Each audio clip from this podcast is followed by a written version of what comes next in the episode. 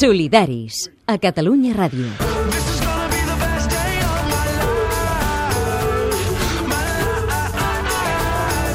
No fem diferències. Vinga, som-hi. Amb Adrià Bas. Amnistia Internacional ha fet públic un informe segons el qual 14 països de la Unió Europea la meitat, estan aprovant lleis antiterroristes de preocupant inspiració orwelliana i ho fan arran de l'amenaça jihadista. L'informe, com passa sempre amb els que fa Amnistia Internacional, ens esgarrifa molt i ens amoïna encara més perquè retrata una realitat que al carrer sembla molt llunyana, però que malauradament tenim a tocar. Eva Pineda, què tal? Bona tarda. Hola, bona tarda, Adrià.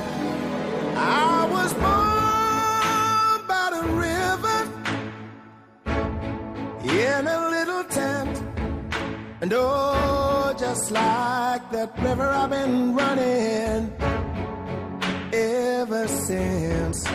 Lleis antiterroristes orwellianes, eh? aquestes de, del gran germà, que exerceix un control absolut sobre tots nosaltres. Sí, que podria suprimir la nostra identitat. Doncs sí, segons Amnistia Internacional, és cap a un camí a Europa, vistes les conclusions que han tret després de dos anys analitzant les mesures preses des dels atemptats de París a estats com França, el Regne Unit, Alemanya, Polònia, Hongria, Àustria, Bèlgica i Holanda.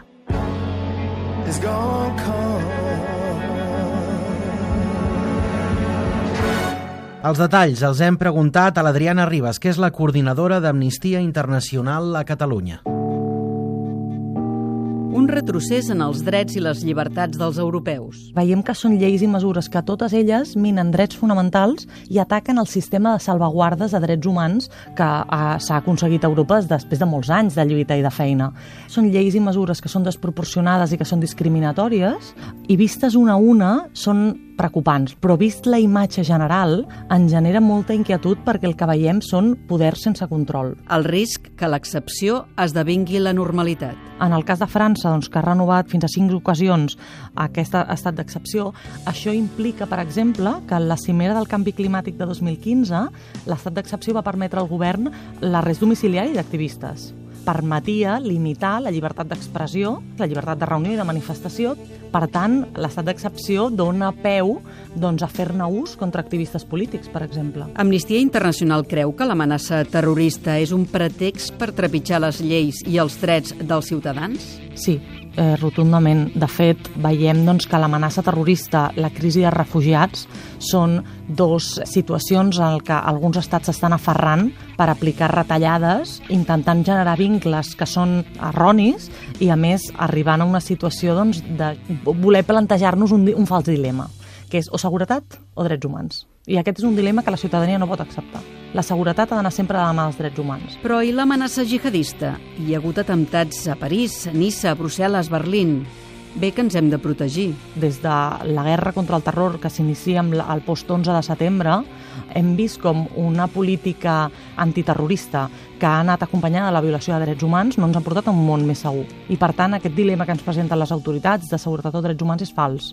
I és important doncs, que aquí la ciutadania sigui molt contundent en no integrar-lo no, en el nostre discurs. Els més vulnerables. I el cas d'Ahmed, que és un ciutadà sirià que en un enfrontament amb la policia fronterera ell eh, tira algunes pedres i d'arrel d'això se l'acusa d'acte terrorista i es troba empresonat. Ahmed ha declarat i ha assumit que va tirar pedres, però en un vídeo que es té sobre aquest cas es veu com ell alhora intenta calmar la gent perquè no generin més atacs. Els estats vigilants. S'està obrint la porta a donar poders a la vigilància massiva. Regne Unit, França, Alemanya o Polònia permeten, per exemple, les escoltes telefòniques o el seguiment de comunicacions electròniques, el seguiment de comunicacions de xarxes socials, amb l'argument d'identificar possibles indicis doncs, d'una doncs, persona que vulgui organitzar un acte terrorista. El que passa és que això ens sotmet a tots i això té una afectació directa a la limitació que puguis sentir a l'hora d'expressar-te lliurement per la por que et genera el ser vigilat, el que puguis dir, com es pugui interpretar. Per tant, si tu no ets sospitós de res, per què algú ha de controlar el que diguis, encara que el que diguis no tinguis res a mà? És la teva privacitat.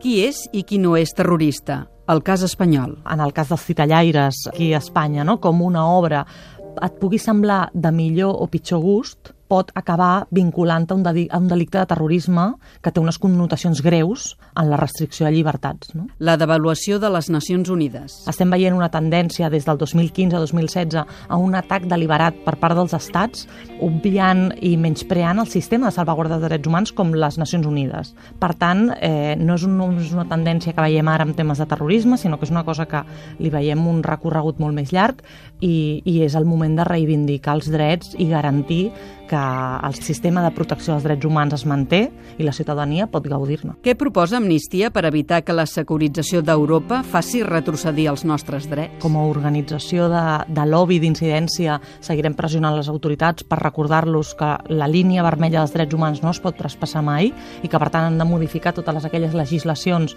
que van en contra de, dels drets humans i demanem també doncs, a, a, a través dels nostres canals de comunicació a la ciutadania que sigui conscient d'això per reclamar-ho a les autoritats i multiplicar les formes de pressió i al final és important conèixer els nostres drets per reivindicar-los i fer-los una realitat. Solidaris. I tenim dret. A Facebook, a Twitter i a catradio.cat, Solidaris. Amb Adrià Bas.